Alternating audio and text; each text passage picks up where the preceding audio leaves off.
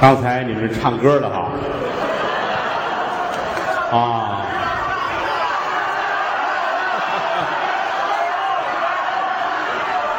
大伙儿唱的挺好我说你们点什么好啊？啊，花那么些钱唱这个破歌，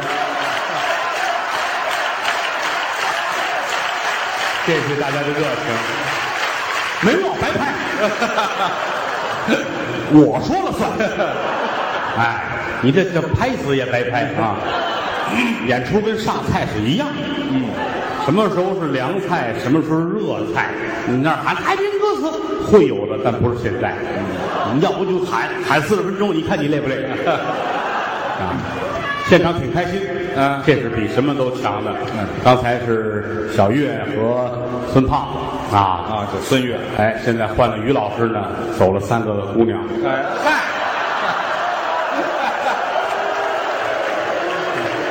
这个可以理解啊因为刚结婚啊，提这干嘛？你怎么知道的？啊，挺好。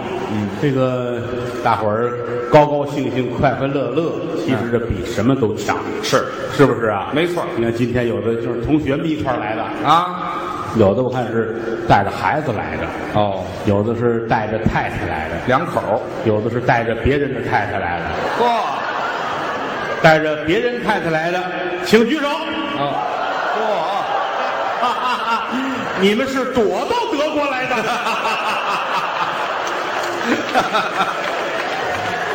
好吧，呃，希望你们幸福并且平安嚯啊，主要是平安，啊！一会儿打的跟猪排似的，我管不了你们。谢谢吧啊！嗯我一看到有那个搞对象的什么一对儿一对儿的，我打心里痛快。哦，我这有一毛病，怎么？你要说谁结婚呐，请我去喝个喜酒，我是非常愿意去的。哦，啊，看着高兴。嗯愿天下有情人终成眷属，是前生造定，是莫错过姻缘。对，愿意去。嗯你要说死人了葬礼让我去，我不爱去。这心里压抑，哎呀，看着难过啊！嗯当然，你要说说相声的死了让我去，啊我是一定要去。啊，我倒不是别的，嗯我看看是不是真死了。哎，这好，啊，这还骗人呢这？行人太说谎了啊！哦结婚爱去是这谦儿哥结婚，我那年在云南拍戏呢。哦哎，几千里地也得赶回来，咱有交情，高兴那看着谦儿哥跟嫂子啊打心里痛快。对，酒席宴前我还讲话呢，您得说两句啊。希望于老师的婚礼越办越好。哦，我还要办几回呀、我说良心话啊，啊这一次就让我们够学一辈子的。嗯，怎么了这？谦儿哥跟嫂子的感情呢，真是太好了，啊，倒是有基础疼人。啊，应该的呀。当初倒退个十年二十年啊于老师还没什么钱的时候啊就给嫂子买了一辆桑塔纳。啊，桑塔纳现在您说桑塔纳不是好车啊可那个年头就了不得了。啊，以前是他还坐公共汽车啊，还那个蹬自行车的时候哦给媳妇儿买辆桑塔纳，哦，就这个还觉着不落人，好、还愧对，还得对媳妇儿好。怎么好？又攒钱买了半辆奔驰，这怎么还半辆半就辆买那个车祸的那个，啊？啪，怼飞了，撞散了那种。我买它有什么用啊买了半辆，啊？拼在一起。哦，拼着，奔驰的车头，桑塔纳的尾巴，嚯、重新喷完了漆啊送给媳妇儿。他开每天他媳妇儿开着这辆奔桑上街，哦这奔丧啊，这名儿就好不了说明了什么啊说明了两口子之间的这种感情。啊，花钱咱说句良心话啊，我没再见过说这个年龄的人对媳妇儿这么好的了。是吗？领着媳妇儿进超市，哦一进去嗯，随便拿，嚯、别让他们抓着我，哎啊， 怎么偷东西去了？上哪儿这也值得真疼。啊？嫂子家里有身份，是吗？书香门第，宦官之后，哦，宦官之后，那是太监，知道吗？宦官，你应该是官宦之后，官宦之后啊嫂夫人长得也很漂亮。嗨我当初见他媳妇儿第一眼的时候，我就想，想什么呀？这个朋友我交定。您这目的太不纯了吧？这个老夫人很漂亮，啊，大高个儿，长头发，大长腿，啊尖下颏，大眼睛。嚯每次见他媳妇儿，我都想，想什么？ 葫芦娃会来救我的。哎，这改妖精了，这孔圣人说的对呀、个说什么了？好白菜都让猪给拱了。啊，这是孔圣人说的吗？我愿意跟嫂子聊天儿是吗？啊，有时候也问嫂子，嗯我说你们两口子这个感情怎么这么好啊嫂子很骄傲，哦，前世的五百次回眸，哦，才换来今生的无痛人流。啊，什么乱七八糟的？谁教你的这话？这都是反正我觉得挺好，啊， 给他给他捯饬的从头上到脚下，是啊，给他买什么衣服啊、化妆品呐、哦什么那个那个钉子裤衩儿。啊，这都他给我质问的是吗？其实说句良心话，他自己有审美，我也会挑。搞艺术的嘛，对呀、齐白石一样的审美，也不错。狗一样的品味。哎，好，那就全他妈耽误了。前两天我们出门上哪儿演出去啊？于老师自己买了三顶不一样颜色的帽子，换着戴三顶，一个是韭菜色儿的，啊，一个是芹菜色儿的，哦，啊还有一菠菜的，全是绿的吗？这不是？拿到家就戴。啊，那还换什么呀？啊，媳妇儿看着，嗯其实你不用买，嗯，你说一声就行，去你的吧！这有告诉人家的吗？这真个好。啊，真好。说句良心话，我我有时候爱跟这媳妇儿聊天儿是吗心里有解不开的疙瘩了。哦嫂子一劝，马上豁然开朗。啊，他会劝人多咱见他媳妇儿，咱们都是客客气气的，是吗？啊，老嫂不一目，小叔子是儿啊。这是老讲究了见着嫂子客客气气的，啊嫂子啊，这多规矩啊，嫂子很大气，是吗？死鬼，嗯嗯，这是大气吗？你怎么不上家玩儿来了呢？哎呦，呃，我媳妇儿看得紧，哎嗨，我都没听说过有这么对话的。上家吃豆腐去啊。吃什么豆腐去？媳妇儿会做饭炒菜，麻婆豆腐、葱烧豆腐做的好。哎，那么我我有时候路过那儿，还哟，谦儿哥的家啊进去串个门儿吧。哦嫂子好啊，呃，谦儿哥呢？你来的正好，哦。他刚走。哎好，刚走就正好啊。炒豆腐，啊，炸豆腐，全是豆腐。炖豆腐、熬豆腐，啊足吃一顿。嗯，吃完怎么样？嗯很好，谢谢嫂子，您手艺真好。哎嗯洗澡吧。啊嗯，什么洗澡？买了冬枣，水果那冬枣洗澡。怎么那么别扭啊？这听着，哎，你认为是我认为凑合吃点苹果就得了。我吃什么冬枣啊？把心放在肚子里边儿？怎么了？跟谁开玩笑不能跟您开这种玩笑？这就对了，于老师的感情之路不容易，难啊，那是一本血泪史，是吗？有血有泪有史，啊啊！ 我这怎么这么脏啊？是一本历史。哎，这是从小就定过娃娃亲，我赶上了。那会儿来说，他父母就喜欢这个啊啊呀，就那个俩大人挺好，得了，孩子们做个亲吧。这就定亲了，那年是他爸爸有一朋友哦家里有一女孩儿哦嗯他爸爸说就就就这么定了。什么就定了？哎，我家我我有儿子，你有闺女啊，我儿子于谦长大了娶你闺女，哦，这就许了，你闺女以后嫁给我儿子于谦，有家了。我儿子于谦就是你的女婿。虽然说是我的儿子，也如同是嗯有你什么事？这里，你老拍着胸脯，我儿子于谦就啊当然这个事儿成不了。啊，成不了。那一年他才四岁，多小啊！女方五十一，哎，嚯，找一干妈这是没成功。成不了。到后来十八九岁，情窦初开，嗯，又开始自己谈恋爱了。这就正常了，有一个女孩儿，她很喜欢，多好对这真好啊！吃鱼把刺儿都剔出去给他，嘿，吃骨头把弄出去，精肉让他吃。您瞧瞧，哎，最好的东西都给他，那对，吃火龙果把籽儿都呸了才给他。好家后伙来这女的差点没累死，啊，改榨汁机了，这嘴都木了哎啊！当然了，这个女孩也没有跟他走到一起。这么好，怎么没走到一起？这个可爱的女孩被她的二舅带走了，对我二舅来了，就是她现在的三舅妈。我们家太乱了吧？这个挺好，挺好啊啊！当然了，这件事情对于老师打击很大哦啊，每天借酒浇愁，还喝酒喝闷酒。楼下有一个酒吧嗯啊每天都跟那儿喝，喝到半夜。哎呦酒吧的老板也是朋友，是吗？劝过他，谦儿你别这样啊，你这样毁了嘛。啊，三条腿的蛤蟆不好找，两条腿的屌丝有的是。哎嗨，没有这么劝人的，再一个，寡酒难饮，还怎么办？酒肉愁肠愁更愁。那解不了啊你这样吧，啊！哎，我给你找个东营女子陪你喝酒。不还有这人呐？他本来都喝多了啊，这儿一抬头，有戏哎嗨，弄出这么一句来，东营女子怎么行样？行不行？说的是呢，哎，这这行了行了，给你找个东营女子，行啊，大家给我咱一没把完了这，这直接说事儿，出去了，一会儿带回一女孩来。哦东营女子真来了跟于老师做一对脸儿，端起酒杯来，啊！大爷喝酒吧。山东的呀，山东东营哎，山东这东营的呀，啊，寿光的是葱味儿的。嗨，这不种菜的那是。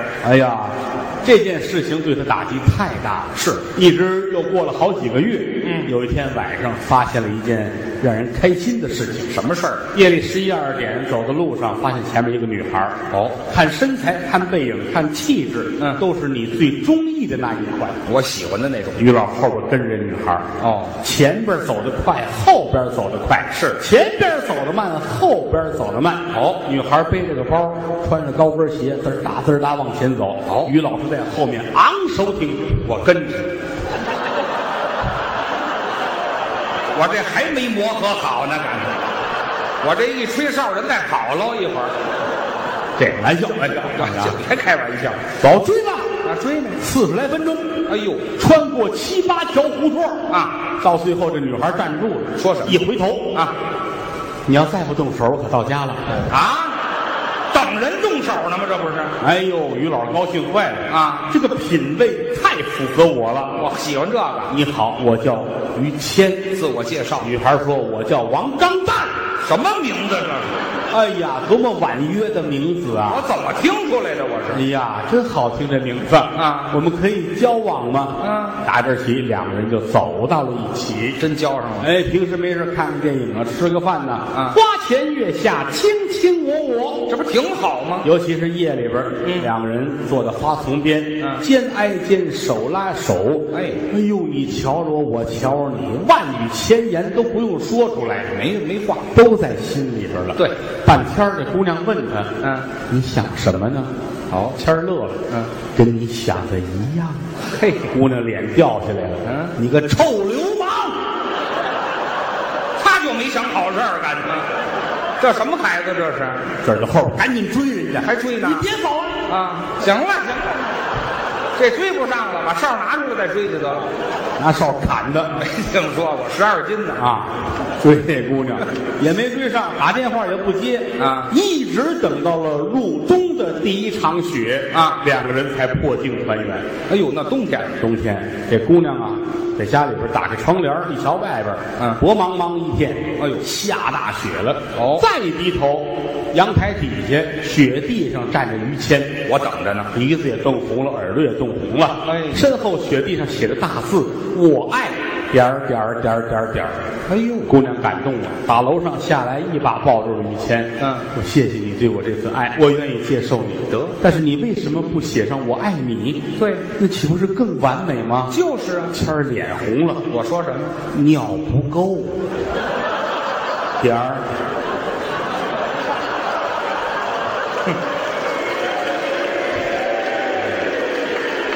就我这个肾的状态，就别交女朋友了。这个，你瞧这通甩劲儿的，你呢？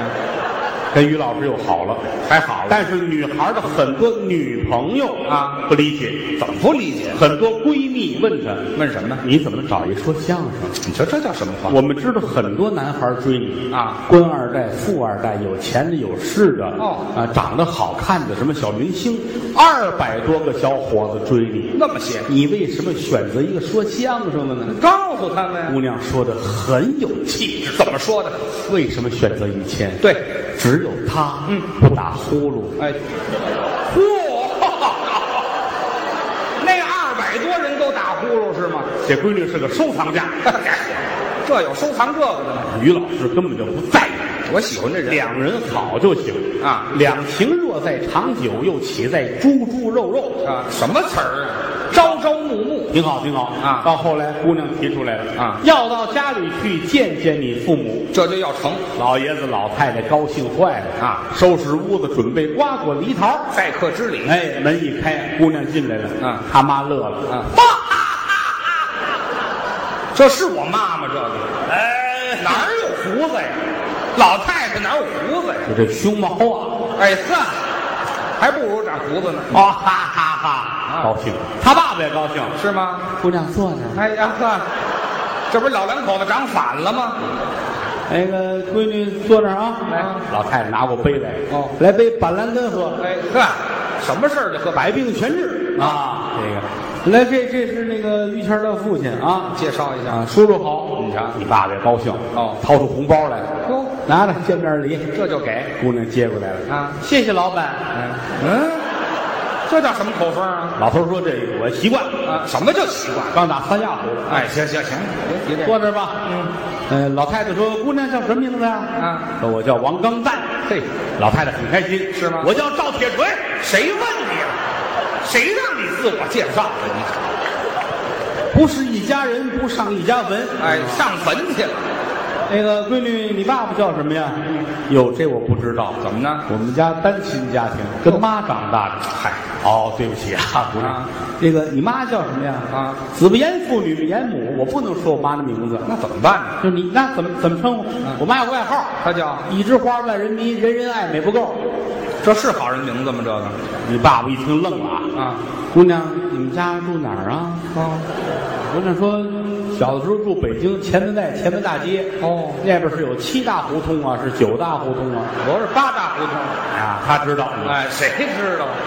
他爸爸眼泪下来了，干嘛哭啊？这手拉着于谦，这手拉着老太太啊三口人进里屋，到里屋门，啪一关，要干什么呀？老爷子泪流满面啊。哭什么呀？谦儿，爸爸对不起你，怎么了？你不能跟这姑娘再交往了，为什么呀？她是你同父异母的妹妹啊，你瞧这事儿闹这的，是我当年犯的一个错误。你看看爷儿俩抱头痛哭，嗯嗯，屋里边气氛很紧张，能不哭 吗？五分钟之后，他妈站起来了啊儿子啊好好跟他交往，一点问题都没有。怎么呢？你不是你爸爸哎的。后来啊呀、哎，行了，行，啊，您这还上下级的呢，这个爱说点于家的事儿啊，这个因为这是真的。啊，谁说的？于老师啊，这个跟我在一起说相声倒了霉了， 因为也不能拿别人开玩笑啊只能说自己人是所以说就是有真有假。啊，这全是假的，您就甭客气了。你说给媳妇儿买奔丧，这肯定是假的。是啊，你说当初坐公共汽车、骑自行车是不是真的？啊，那谁都从那儿过，十几年前、二十年前，演一场给三十块钱，是五十块钱，就那样要给一百块钱那就了不得，恨不得跟人睡，啊，这不至于啊，就这意思，没这心肠啊啊！你这个三十块钱演一场，你要打车去打车回，什么都剩不下。啊，骑个自行车，就是天儿不好坐公汽车。对，其实那会儿来说也行，街上也不这么堵啊啊！坐公车要是赶上终点站上，嗯最开心了。呃，就有个座儿，那要是挨着窗户坐，嗯，更高兴。能通通风啊。旁边要再坐一女的，那活活没死。啊，喜欢坐女的边儿上，你看于老师旁边坐一女的，自个儿就乐，高兴，发自肺腑啊，怎么那么高兴啊？乐的都合不拢腿，啊，呃劈腿乐，我这什么姿势？合不拢合不拢嘴，鬼鬼啊，高兴这说要来个抱着孩子的也行，啊，我还喜欢孩子，来个女的抱孩子，孩子别太大，多大合适？哺乳期。那最妥帖，喜欢那么点儿孩子，哎，来个女的抱一孩子啊哎，八九个月啊，这么大的，于老师开心了，哦 高兴。我这想起什么来了？我这痛快，人家嗯抱着孩子，保不齐一会儿孩子就哭了，哭了，哇一哭，人家妈妈这哄，就是谦儿哥也跟着着急，孩子哭了，对呀、饿了吧？管得着管不着啊？这个那孩子吃吧，什么毛病这高兴。是啊这当妈疼孩子呀，啊？这倒霉孩子在家他也不吃，出去他闹，解怀给孩子喂，那是就啊喂啊是啊，谦儿哥这里踏实了，怎么叫踏踏实实了？给孩子吃啊，嗯，我做的行了，行了，我这做的揉成上了是怎么着？哼， 孩子还真白，啊，你这是看着孩子 呢吗？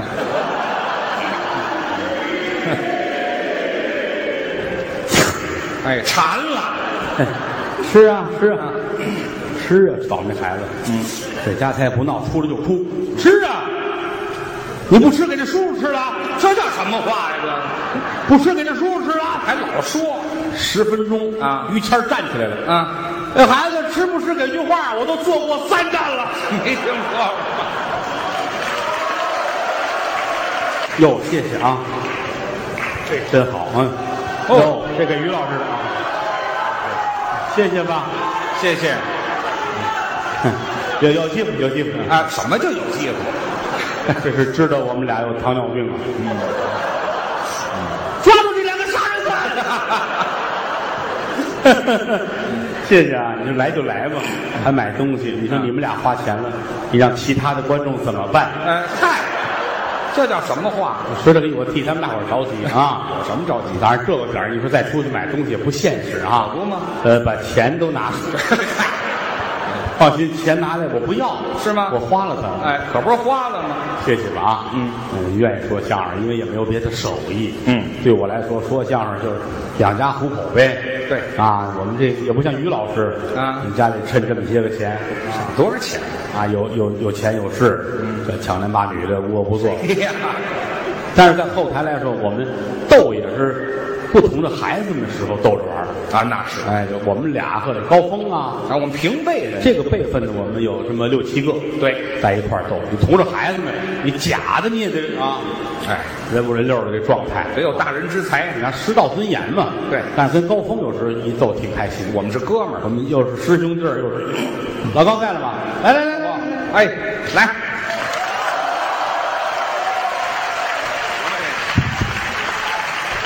来，啊都认识高老板啊。哎，我们仨呢算是一个辈分，对我师傅是侯耀文先生，嗯对，谦儿师傅呢是石不宽先生，哎是了哎，高呢是范老师的学生，哎范老师是范岛爱，哎，去，别瞎介绍啊！范振钰先生，哎，翻译过来是范振钰，我没有，没翻译是范岛爱啊去去去，就一个中文名字，就中文名就一个名字，哎范山钰，山芋、什么？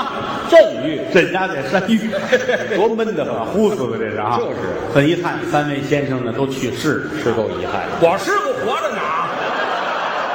您这说死一个，这位你这事儿等七月底再说，你就活这么些日子，这这就不够瞧的了。太坏了。这这是玩笑啊！哎我们仨打小在一块儿，对，那会儿曲艺团学员班的时候，嗯，我们仨同班同学，老高跟我差不多大，比我小点儿，哎于老师比我大四岁，竟然一个班， 你听听，你那意思说我蹲了四年班是吗？我您谦儿上哥实习去了。哎，谦儿哥很可爱，哎小的时候不这样。小时候您说说，那天在后台我们聊天儿，我还说，我说一晃咱们是都老了，那可不嘛，多少年了？今年都二十七了，我是了，你啊看谁谁啊？您二十七啊？我曾经二十七过，哎，那谁都这么说都说了十年了。啊？嗨，那年我们仨一块儿上学，嗯，其实我呀，说句良心话，我打小我十八九岁我就长成这样了 哦，长得快，啊，所以我老说，我说你别看你们谁长得多嫩啊，咱们七八十岁再说哦嗯啊，我就打小就小孩老脸儿，不变模样，他们俩其实变化挺大，对吗？天儿小的时候又矬又胖，矮小胖子哎矬胖嗯子，小矮胖子都知道他那好会儿，玩极了。又矮胖子，后来大了大这样了。哎，老高那会儿一直，哎，那会儿个儿高，哎，那会儿没这么高，啊比这个矮比较矮这么一块，矮一点我儿们小时候很高，嗯齁瘦啊，对对对，就跟没个动跟个甘蔗似那阵儿是瘦，的，瘦高瘦高。对我们仨一出去，大伙儿都乐啊你看我这边带一小矬胖子，这边带一瘦高个儿瞧，但我们仨最好。因为是同班学专业学相声，嗯嗯啊，因为那会儿你好到什么程度，呃课间休息上厕所撒尿我哎们都一块儿去，那一块儿搭伴儿呗。要不说同学之间谁跟谁好，什么交情？撒尿的交情，哎，说就是这个。对有时就是走撒尿去。嗯，老高去不去？去。谦儿去嗯不去？谦儿说我尿完了，走再空空。嗯啊，这空空，这玩意儿有呃，厕所吗？嗯，我老得站当间儿，是，我就得跟他们斗。您是孩子头 儿，这边站着高峰，对瘦高个儿；这边站一小矬胖子，于谦。一撒尿我就就特别开心啊，逗着玩儿嘛。嗯瞎闹 腾，转身儿，哎，尿上一裤子，就是你这真 是逗着玩儿。开玩笑，嗯于谦儿，嗯有这边的，尿一脸，嗨，我个儿也太矮了吧，我对对，你一提这我想起来了啊小时候一喊你，你还爱答应，那是于谦儿，哎，全弄嘴里了，好家伙，我还跟着转脑袋呢是吗？有这么回事儿？哎，一晃这是多少年了？就是啊，啊，这是到现在也也都这个岁数了。嗯，老高小点儿，三十多岁了。我们俩，我我四十了，谦儿也七十三了啊，我还正活在坎儿上，我哎，这还不快？挺好。谦儿在我们的帮助下也有了儿子了啊。哎，用不着这个啊，这还要帮助干嘛呀？怎么不用帮助啊？帮助怎么帮助的？孩子是有不同的渠道来的，对吗？有的是喝汽水开瓶子送的，嗯，有的是充话费给的，嗨，有的是下载的，是不是？这是孩子们，他这是大伙儿帮忙来的。哎帮什么忙不？像不话是，那会儿老劝他，他玩心最大。得帮忙照顾，大伙儿说你你你赶紧要孩子吧，要不以后没法弄。嗯，这么有帮忙劝，啊，帮忙劝，哎啊，嗯我劝他要了孩子。老高，这是我们劝他结的婚，嗨，我这人不爱结婚，也没这习惯不。以结婚为目的，都是臭流氓。 这叫什么话？现在结婚了，现在啊对好跟媳妇儿俩人一块儿过日子，挺好啊。呃，他们是邻居，哎，住得很近，呃，在北京，我不知道哪位是北京的啊。嗯，这么，哎呦，嚯还真不少好几啊个。对，北京就是他住南边，大兴，天堂泽公墓旁边那个小区，哎，这没有，是我们那儿在坟地边上住，就在左边，左边。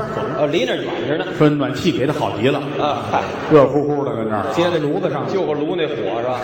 哎，反正他们俩是一个一个小区，哎哎，住一个小区挺好。这个老高，哎，我不说住一块儿有好处呢。您说说，老高结婚第四天，两口子打起来了。 哎嘿，这事儿我可知道。这事儿您别说了，啊，老高那媳妇儿呢叫王肉蛋，呃，哎哇，比跟我我这刚软才是和姐儿俩，啊啊，比我媳妇儿软和。啊，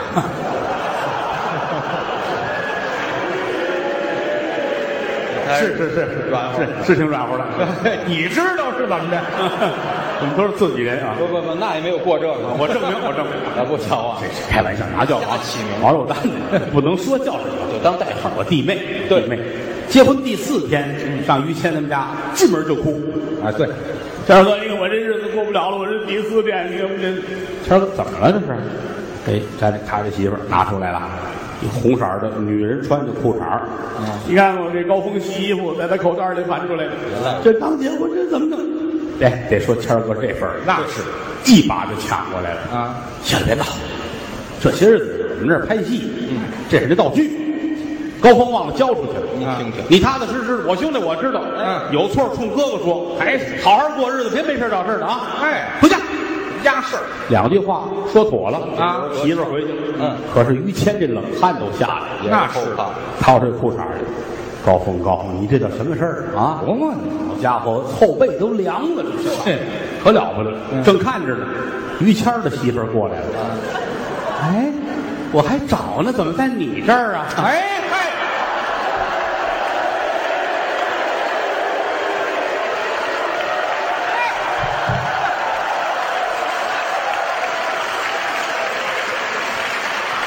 哎，没有你们俩这样的啊，一个还带着出来的，你这不是，这我刚从侯震包里翻出来 的，嗨，怎么那么乱呢？看着就像那个，我告诉你，你你带胳膊上出去收存车费。啊，啊，人这儿也说是这样，执勤，哎，啊相声都是编的，哎只有这段是真 的，哎全是假的，爱爱跟他们俩一块儿聊天儿啊。开玩笑，我们仨人啊，麻木良乡，各有所长。各有特点，你要说唱个戏，唱个什么小曲儿小调儿呢，我还比较熟悉。您爱研究你要说唱歌，于老师最好。对，啊我这也是瞎闹。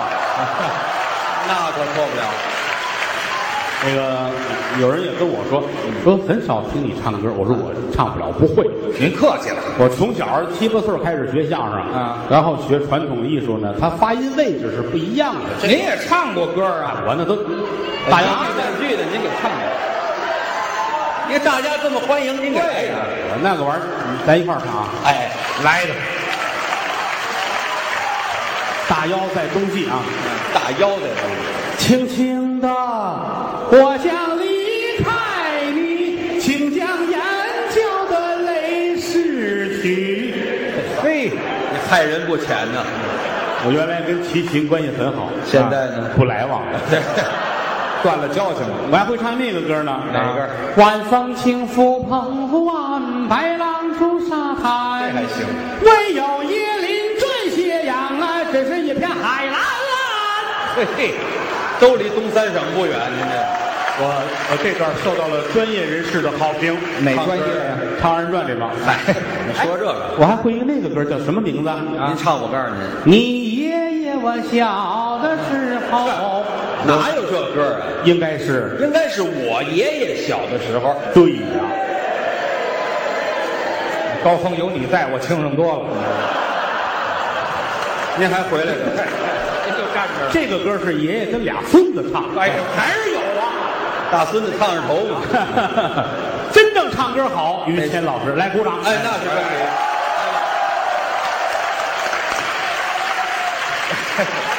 大家欢迎您，您给来一个，真唱啊！那可不，唱唱假行僧，好，也就是唱过无数次的这个啊。哎您来几句假行僧崔健 的啊，唱几句。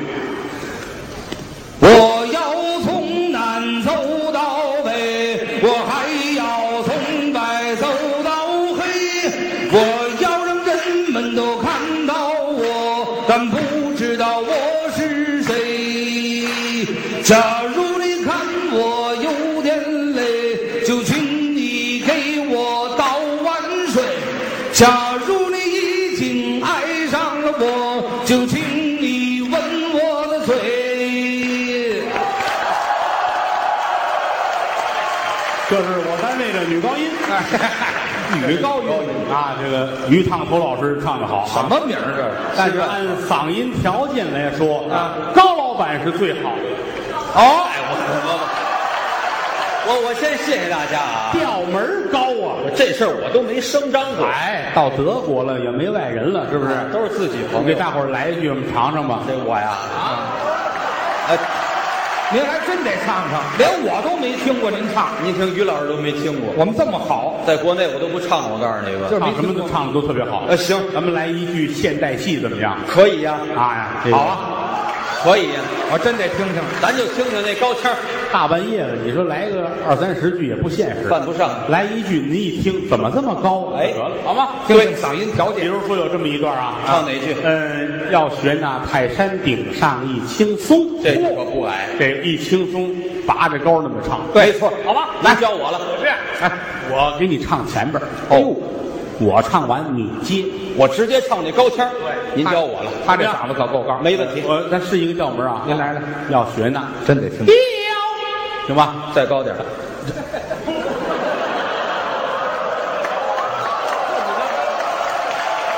不是，一会儿你还得往上翻八步呢。不是跟你有关系吗？来到德国了，今儿我让你哎，小刀拉屁股，这是开开眼儿，让这你什么词儿高老师注点啊？意打过人全让我碰上了。啊，不能开眼儿，怎么呢哨儿就掉出来这了 嗨，哎弯出来的。啊！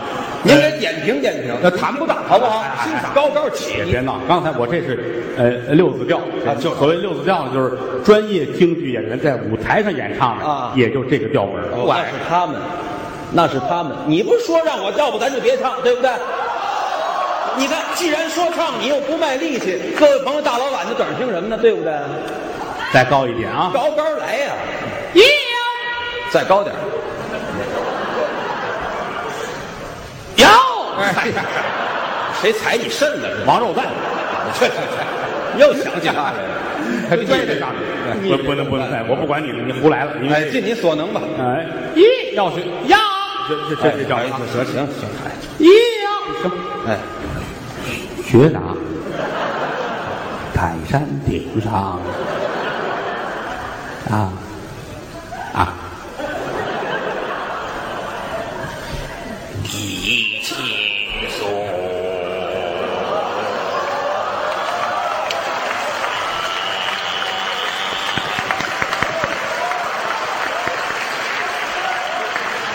谁跟你握手了？你要脸不要脸？还点评点评怎么样？唱好不好？我听见了吗？我就点评。费挺大劲唱，他告诉没听见。你费挺大劲，我就以为你拉屎呢，你拉屎得台上拉的，废话，你这干调燥门儿啊，频率啊，频率啊，哪儿有频率接受不了了？我没听见呢接哎，他说他没听见，啊！这耳朵都震聋了。你你看们俩至于不至于这么吵啊？真好，真好，真好。调门儿确实是不完，您这个唱法排宿便，您这嗓子也行啊。你倒瞧出来了，咱们这个再搞一段吧，好吧？再来一个再来一个啊，再来一个高着点儿来。咱们来一个穿林海跨雪原，气冲霄汉。哎，这比那还高。那谁长一调门啊？来听听吧。穿穿行，太好了。嗯，穿，嗯，林海，跨雪啊啊！哎呦啊！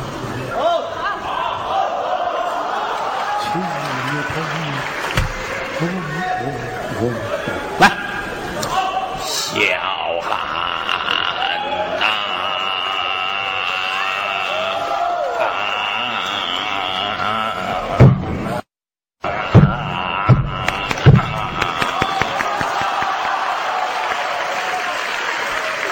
怎么样？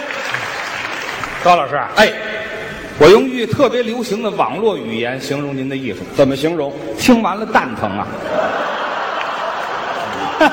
丁字裤勒的，这哎这没听说过，我给你揉揉。对，去哪儿就你还说你师傅不是日本人？不，这这他疼啊，你不得得得揉揉吗？高老师，哎，咱们再来一个吧。我还上瘾了。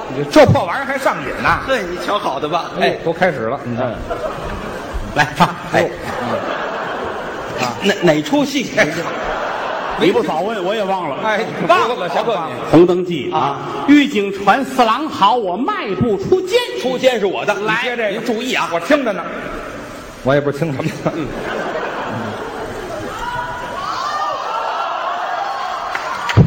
又来了，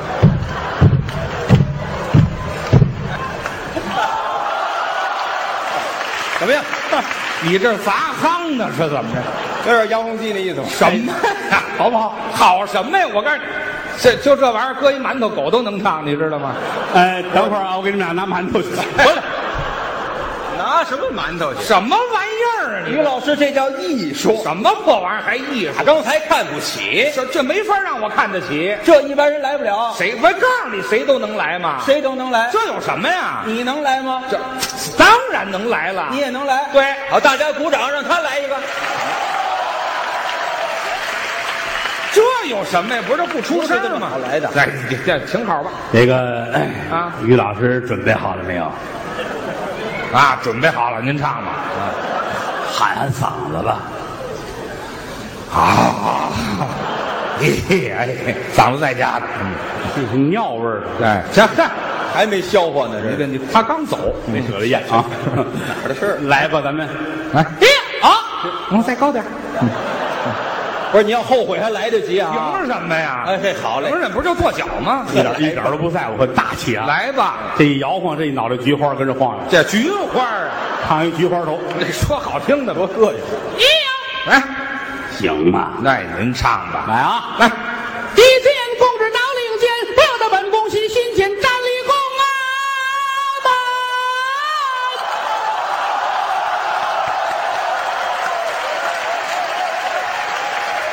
哎，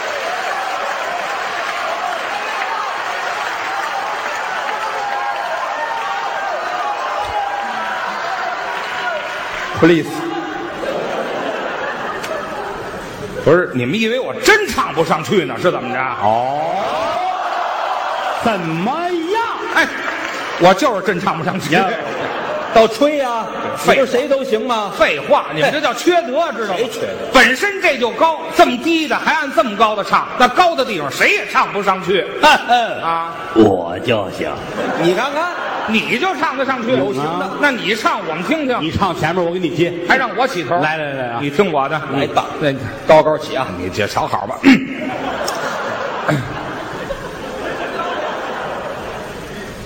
一见公主闹领间，不由着本宫喜心间，站立宫啊门，真好。哎捧我干嘛？捧我干嘛？你往上唱啊你说实话，啊！你是是不是在宫里上班的？你我说管他蛋疼不着，你嗯往吗上唱这调儿。再来，再来，站立公安门叫小芳，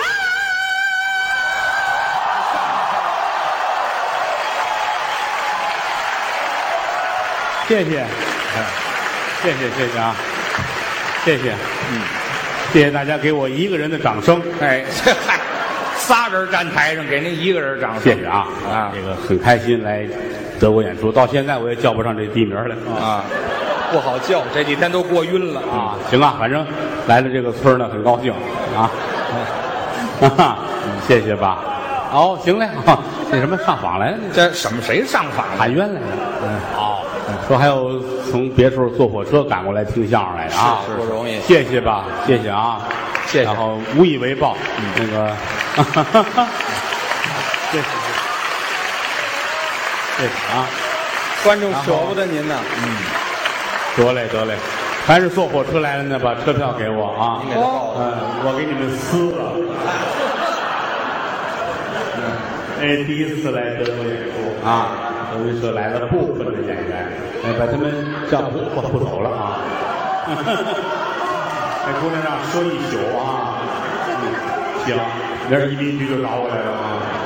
嗯，来了一批德云社的演员，嗯目前来说就算我们比较不错的阵容了。哎，高老板啊，小岳大伙都在啊。中坚力量，把他们都叫上来，咱们再聊两句，好啊吧？好。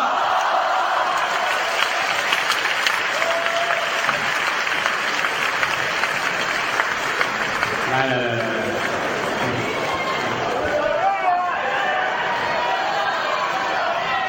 打头开始，大伙都认识啊。高老板，哎，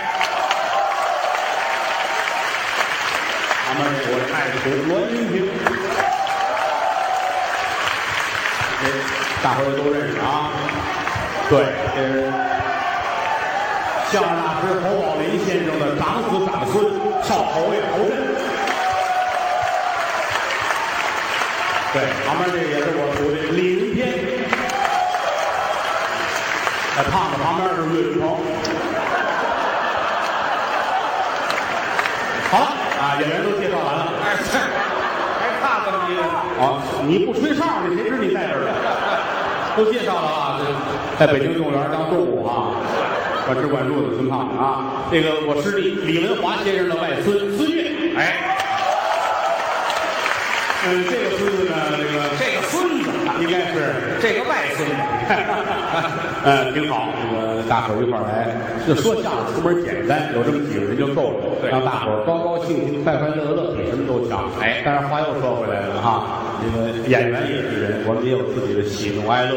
是，不管台下多难过，上了台也要把自己最好的一面，呃，展现给观众啊。应该来，越过来，来，这个我，哦。这个我得跟大伙儿说一声啊，我们来了这三四天了，然后就在昨天得到了一个不好的消息，岳云鹏的父亲昨天去世了啊。然后按按说我们是可以改机票让他回去吊孝的，但是岳云鹏是出于为观众考虑，气大于天，所以坚持了演员啊，这个。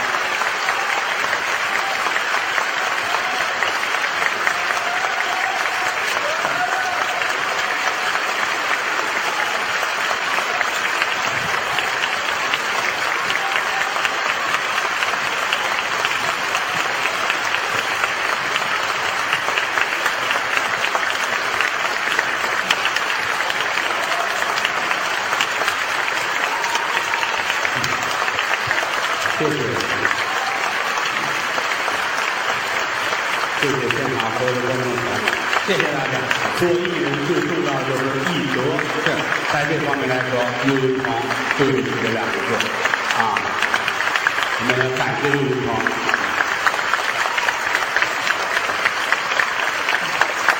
我呃过两句。来说两句，来，来来来，上场之前，我一直在调整情绪，我一直在想，我说观众人家是无辜的，你买票来看，你要看你开心的一面。其实刚才在台上，我不小心我说了一句，我说孙老师中枪了，孙老师也是不小心说了一句，他说别拿死人开心。细心的朋友们可能看不出来我那个细微的表情，我头往那边扭了一下。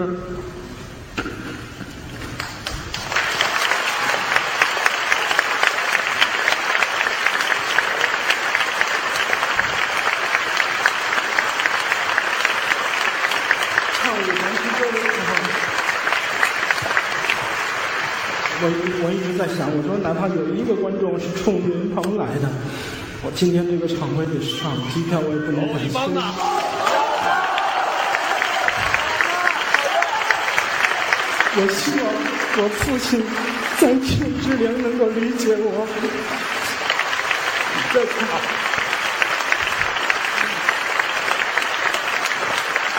刚才在唱《五环之歌》的时候，我把话筒往往朋友们一递，朋友们一块儿唱这个《五环之歌》。当时那几句，那几秒钟，我就在想，今天这场演出真是对我意义非常重大，可能一辈子都忘忘不了。当时我，我心里在想，爸爸，您听听，您儿子听听。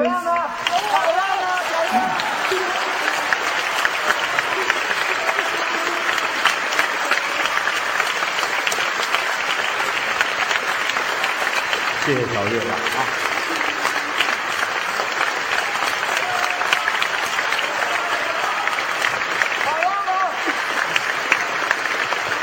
其实昨天开始，后台的所有演员都在一直劝岳云鹏啊。当时我也说，反正这个虽然说生老病死人之常情，但搁在谁身上也是一个很难受的事儿。前两天我还问我说你父亲怎么样，不是特别的好啊，说的话是心里就很难过。昨天就突然有了这么一消息，我说，反正你要说走的话，我们随时就可以把机票改好了，然后去安排一切事儿啊。但是岳云鹏想了又想，最后决定好好留下来。那么这行有句话啊，叫“戏比天大”，卖了票了得对观众负责。所以这一点来说，我觉得这是一个前途不可限量的孩子啊。谢谢吧，来吧，列位都往前站，来来来来来。郭德纲、于谦带着我的徒弟们，带着德云社的演员们，向我们的衣食父母致敬，谢谢各位，希望你们快乐，谢谢。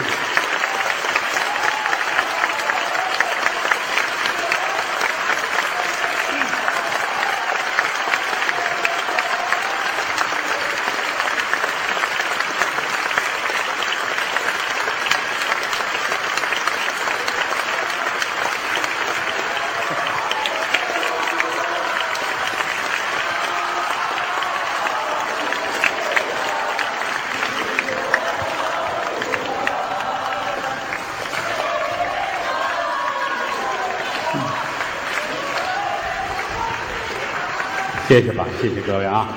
老话说得好啊，无君子不养艺人。嗯，大伙儿花了钱了，我们得让您高高兴兴、快快乐乐的啊！当然了，也是愿意把演员最真实的一面给大伙儿看一看。做喜剧的、说相声的都是把自己撕开，血淋淋的展现给各位看，让您各位高高兴兴、快快乐乐啊！这是第一次来这儿演出，有一次就不愁两次啊！咱们来日方长啊，以后我们会常来。嗯。谢谢。德云社有一个小曲儿叫《大实话》，来，把它献给所有的朋友们。哎谢谢。说天晴，天也算晴，天有日月和星辰呐、古人不见今时月，明月曾经照过古人。说地亲，地也算亲，地长万物似黄金呐、将军战马金火在，野草鲜花盼着谁人？要说亲，观众们亲。观众演员心着心呐，曾记得早年间有这么句古话，没有君子不养艺人。昨日里趟风冒雪来到塞北，今日里下江南讨杏争春。我劝诸位，酒色财气君莫沾，那吃喝嫖赌也莫沾身。没事儿呢，就把这德云社来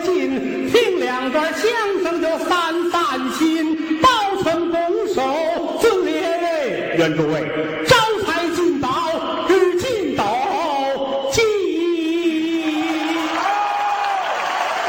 感谢您的收听，去运用商店下载 Patreon 运用城市，在首页搜索海量有声书，或点击下方链接听更多小说等内容。